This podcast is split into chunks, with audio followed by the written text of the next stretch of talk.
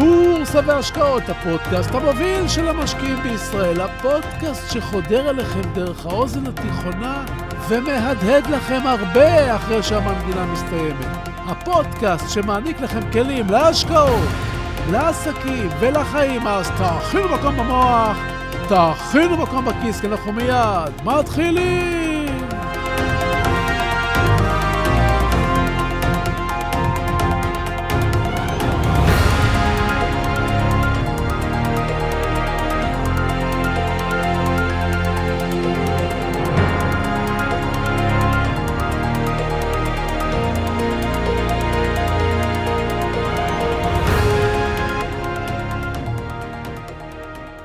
שלושה דברים הקשורים לחשיבה אחרת שקרו לי השבוע. הדבר הראשון שקרה לי השבוע הוא מחזה ידוע ומוכר שקורה בכל יום, בהרבה צמתים ברחבי המדינה. יש לא מעט צמתים ששייכים לקבצן קבוע. הוא תופס חזקה למקום, ובכל פעם שהוא צריך כסף עבור אוכל לגוף או לווריד, הוא מופיע במקום העבודה, עובר בין המכוניות שעומדות באור אדום, ואוסף. כמו בכל מקצוע, לכל אחד יש שיטה אחרת. אחד עובד עם שלט, אחד עם פנים עגומות, אחד עובר בשקט, אחד מציע תמורה, תמורת תרומה, ויש את אלה הפעילים שידפקו לך על השמשה כדי לומר לך, הלו, אני כאן, מה קורה עם כמה שקלים? אז הקבצן בצומת שלי הוא מסוג האחרון. האגרסיבי, זה שדופק על החלון. הוא מכיר אותי, ואני כבר מכיר אותו.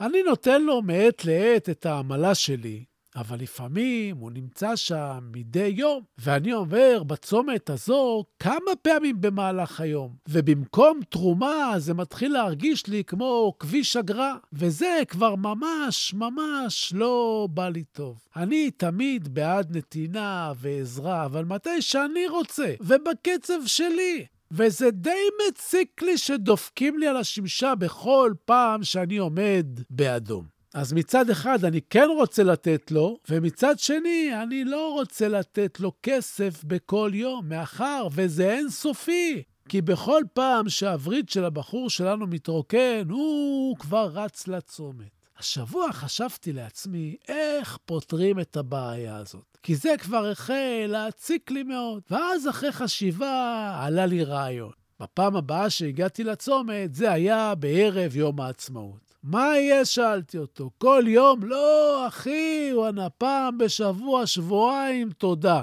15 שקלים בחודש, זה בסדר? שאלתי אותו. אחלה, אחי, מתאים, תודה. איזה חג עכשיו קרוב? שאלתי אותו. עצמאות, הוא אמר. נכון, אמרתי לו. 12 חודשים כפול 15 שקלים לחודש, זה 180 שקל. הנה, קח 200 שקל, אני משלם לך עכשיו שנה מראש, עד יום עצמאות הבא, בסדר? אנחנו סגורים? ברור שהוא הסכים, וככה, מאז קניתי מנוי מתחדש אוטומטית לשנה ושקט. עכשיו, אם הוא עובר לבדוק דופק, אני אומר לו, בעצמאות, אחי, בעצמאות, והוא מחייך, כן, עצמאות, ועובר לרכב הבא, וככה יצאנו ראש. הדבר השני שקרה לי השבוע היה פגישה עם סוכן הביטוח שלי, שסיפר לי על מקרה שקרה לו עם לקוח. הסוכן סיפר לי על לקוח, בעל רכב יוקרה ששווה כמה מאות אלפי שקלים, שנתן אותו לחבר כדי שיוכל לטפל לו בכמה דברים. חבר התקשר לבעל הרכב בערב ואמר לו שיש קונה שרוצה לקנות את הרכב, ושאל אותו אם הוא רוצה שהעובד שלו ייסע עם הרכב להראות לקונה את הרכב. בעל הרכב, איש עסקים, עסוק מאוד, אמר לו שכן. בקיצור, העובד, בחור בן 28, נסע בערב ליישוב מסוים להראות את הרכב. וככה, כשהוא נעצר ליד אזור המפגש, נכנס אליו לרכב בחור עם סכין, ומהשיחים יוצא בחור נוסף עם אקדח, ושניהם אילצו אותו לצאת מהרכב, נכנסו לתוכו ונסעו. הנהג המבוהל ברח לשדה סמוך, כל כבר היה חשוך, שעת ערב מאוחרת כאמור, והוא מיד התקשר למשטרה. מה הסיפור עכשיו, אומר לי סוכן הביטוח? הרכב לא אותר. וחברת הביטוח לא מוכנה לשלם על הרכב כי בפוליסה הייתה הגבלה על הנהגים מגיל 50 ומעלה, והבחור שנהג ברכב היה בן 28. יש לי סיפור עכשיו, אומר לי הסוכן, זה לקוח טוב. ודיברתי עם נציג הביטוח והוא מתעקש שהנהג בן 28 וחברת הביטוח לא רוצה לשלם. רגע, רגע, אמרתי לו אחרי שחשבתי, יש לי פתרון בשבילך, דרך מילוט שאולי דרכה אפשר לעשות משהו. המוח שלי חוגג שיש מבוי סתום. מת להתפרץ. מה הפתרון, צביקה? חשבתי כבר על הכל, הוא אומר. תקשיב, אמרתי. קודם כל, בזמן האירוע, בחור לא נהג. הוא ישב ברכב. אז זה שהוא הגיע למקום כשאין לו כיסוי, זה ברור. אבל בזמן האירוע הוא לא נהג ברכב. בנוסף, לא מדובר בגניבה. האירוע הזה הוא שוד. שוד מזוין, ואולי בכלל אירוע פח"ע שהשתבש. עכשיו, לך תבדוק בפוליסה האם קיים איסור לאדם מתחת לגיל 50 לשבת ברכב, ואם ישנה התייחסות לשוד מזוין או לאירוע פח"ע. יש לך כאן נקודות ששופט בבית משפט יוכל לבוא לטובת הלקוח שלך, ולכן חברת הביטוח עשויה אולי לשלם לו. הרי בוא נאמר שאם הם היו פותחים עליו או על הרכב בירי, אז חברת הביטוח הייתה טוענת שבגלל שהוא בן 28 והפוליסה היא לגילאי 50 היא לא משלמת? לך על ציר החשיבה הזה, עורך דין יצירתי. ימצא דרך מילוט מהמלתעות הסגורות של חברת הביטוח. תשמע, צביקה, זה גאוני, לא חשבתי על זה, הוא אמר. ולגבי הדבר השלישי, חכו, חכו שנייה וזה בא. שלום, וברוכים הבאים לפודקאסט בורסה והשקעות, הפודקאסט המוביל של המשקיעים בישראל, והיום נדבר על המוח, על מחשבות, על השקעות, וכמובן, עוד דברים שומטי לסת, אז תהיו ממוקדים, תכינו מקום במוח, תכינו מקום בכיס, כי אנחנו מיד ממשיכים.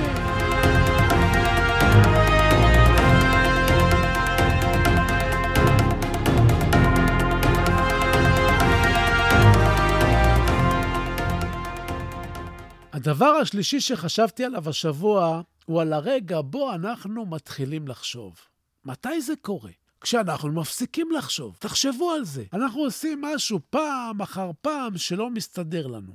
כל יום קבצן בצומת שמציק לכם. כל פעם אנחנו עובדים בשיטה מסוימת בבורסה ולא מצליחים לייצר תשואה מספקת לאורך זמן. אנחנו עושים את אותה עבודה, חודש אחרי חודש, ואנחנו לא מתקדמים. ואז יום אחד אנחנו מפסיקים לחשוב כמו שחשבנו כל הזמן, עוצרים את החשיבה, ורק אחרי שעצרנו להכות פעם אחר פעם באותה נקודה ובאותה שיטה, אחרי שעצרנו, אנחנו מתחילים לחשוב אחרת. כלומר, התחלת חשיבה היא עצירת חשיבה קודם. אם אתם עובדים רק לפי הניתוח הטכני, כי זה מה שלמדתם, וזה מה שאתם עושים, וזה מה שכל הסביבה שלכם עושה, אתם תוכלו להתחיל לחשוב רק אם תפסיקו לחשוב שזו הדרך היחידה שאתם יכולים לעשות בכסף. הבנתם את הרעיון, נכון?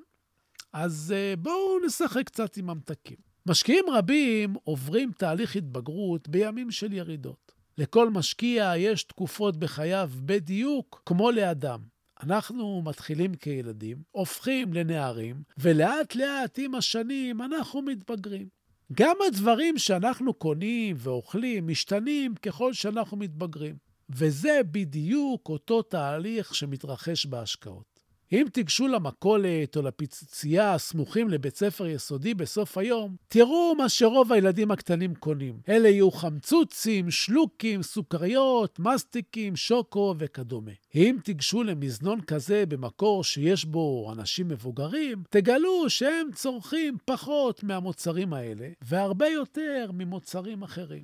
גם המשקיע החדש שמגיע לשוק ההון קונה מניות והשקעות שחלק קטן מהם לא בריא.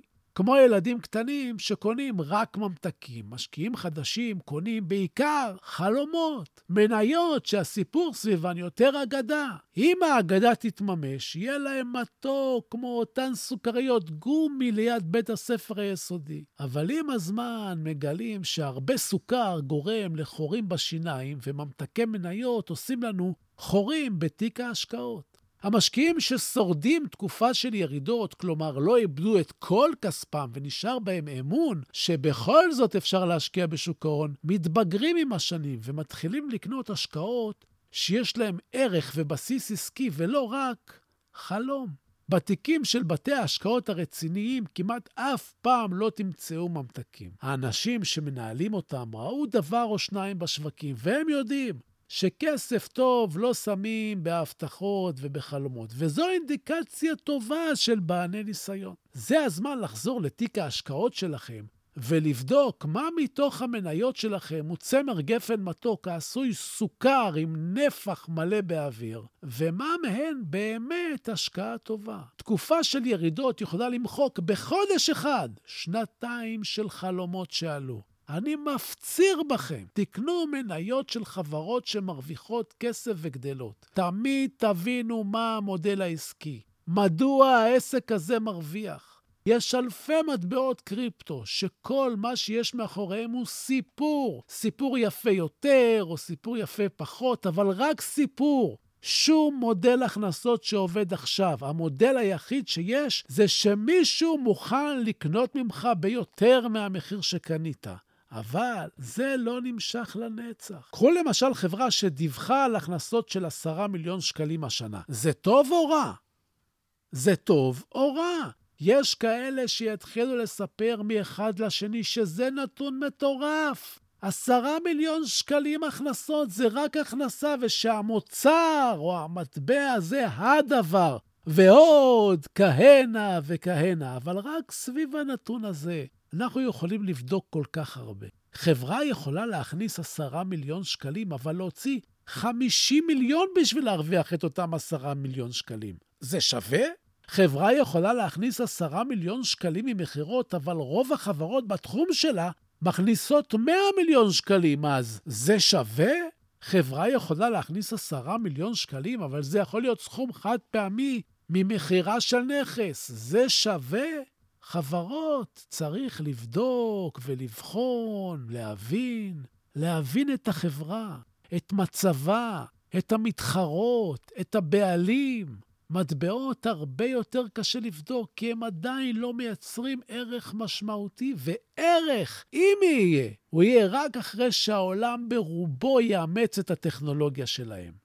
ותחשבו על הנתון הזה, הביטקוין איתנו משנת 2009, והעולם רובו עדיין לא אימץ אותו. אני לא אומר שזה לא יקרה, אבל אם הביטקוין הגדול שקיבל הכרה מכמה גופים רציניים, עדיין לא מאומץ על ידי כל העולם, מה על אלפי מטבעות שנאבקים על מיקומם, וכל הערך שלהם כיום הוא ממשקיעים שמוכרים אחד לשני.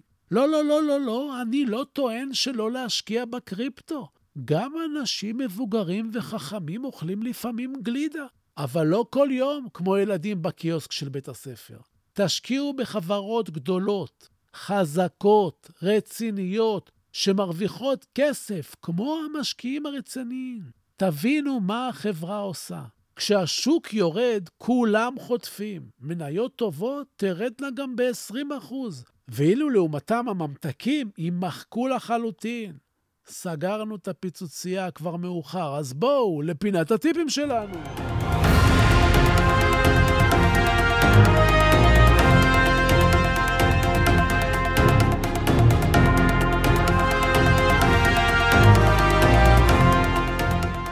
משקיעים רבים פונים אליי בשאלה כמו, צביקה, יש לי 300 אלף שקלים, במה להשקיע? איזה תיק השקעות לבנות? אז קודם כל, אני לא יועץ השקעות, ואסור לי לייעץ בכלל, אבל אם היה לי מותר, לא הייתי עונה על זה כלאחר יד, מאחר וזה לא אחראי, לא מקצועי ולא רציני. לקוח שמגיע לייעוץ השקעות עובר ברור צרכים. חלק מהשאלות הרבות שנשאלות כדי לבנות תיק הם uh, מה הגיל, מצב משפחתי, הכנסות משכר, הכנסות נוספות, סכום ההוצאות החודשיות שלכם, רמת הסיכון שמתאימה לכם, נכסים מנוהלים נוספים, מה מטרת הכסף, מה אחוז הכסף שאתם רוצים להשקיע מסך הנכסים שלכם, מה המצב התעסוקתי שלכם. מה טווח ההשקעה שלכם, מה היחס שלכם לסיכון ומה מידת ההיכרות שלכם עם שוק ההון, ועוד שאלות לא מעטות. רק אחרי שיש ליועץ השקעות תמונה רחבה וברורה שלכם ועליכם, הוא יכול להתחיל להציע לכם אופי של תיק, כלומר, כמה אחוזי השקעות במניות, כמה בהשקעות אחרות, ורק אז הוא יתפנה לבחון את המניות וכדומה. מדובר בעבודה של כמה שעות עם קשב רב והבנת הצרכים, אז ברור לכם שגם אם הייתי רוצה מאוד לענות לכם, הייתי חוטא לכם אם הייתי זורק לכם כמה שמות של מניות שזה למעשה מה שאתם לפעמים מבקשים. חייבים להתייחס לכסף ברצינות כדי לקבל תוצאות רציניות, לא? אז, אז זהו לנו להיום. ובסיום אני שב ומציין, כן, מה שאני אומר, המלצה מקצועית, יועץ מקצועית, אלה תמיד, כמו שאמרתי, כדאי לקבל מיועץ מוסמך עם רישיון. לי אין, אני רק משתף אתכם במה שאני חושב. המניות שאני לפעמים מדבר עליהן כאן, אתם צריכים לדעת, אני לפעמים קונה מהן, לפעמים מוכר מהן, ואני אף פעם לא מנסה לחבר אתכם לפעולה כלשהי, אלא רק לגרום לכם לחשוב, לחשוב, לחשוב. הפודקאסט הזה מדבר בלשון זכר, אבל זה רק מטעמי נוחות. הוא פונה לנשים וגברים כאחד, ואת, ואתן ואתם מוזמנים לה... להעמיק גם באחד הקורסים שלי באתר סודות ולמתוח עוד את תגובות הידע והיכולות שלכם. תודה על התגובות החמות, תודה על השיתופים, תמשיכו ותפיצו, ואנחנו גדלים יחד. מעל מיליון הורדות של הפודקאסט. תודה להילה ברגמן, שעורכת, מהירה ומפיקה את הפודקאסט הזה. ועד הגישה הבאה שלנו, אתם מוזמנים הקשר, לבקר באתר האינטרנט שלי, סודות.co.il, לשלוח לי מייל, צביקה, כרוכית, סודות.co.il, לכתוב ידעתכם, לשאול שאלות, לעקוב אחריי באינסטגרם, סודות, קו תחתון בורסה, באנגלית. תגיבו, תשאלו, תענו נושאים, ואני חוזר לכל אחד ואחת מכם, אני מבקש, סמנו שאהבתם. תשלחו את הפודקאסט לכמה חברים. כן, אני רוצה עוד מאזינים לפודקאסט. תעשו השתדלות. תודה רבה שהאזנתם. אל תשכחו להירשם לקבלת עדכונים באפליקציה שאתם מאזינים דרכה, ככה בכל פעם שעולה פרק, אגב, בכל יום ראשון בבוקר, תקבלו הודעה, תהיו טובים, תהיו קשובים לסביבה, תהיו קשובים לעצמכם, תעזרו למישהו שצריך, תעשו משהו טוב לעצמכם. תלמדו משהו חדש, בשורות טובות, בריאות, הלוואי שתתעשרו בהקדם. אני הייתי צביקה ברגמן, ניפגש בקרוב.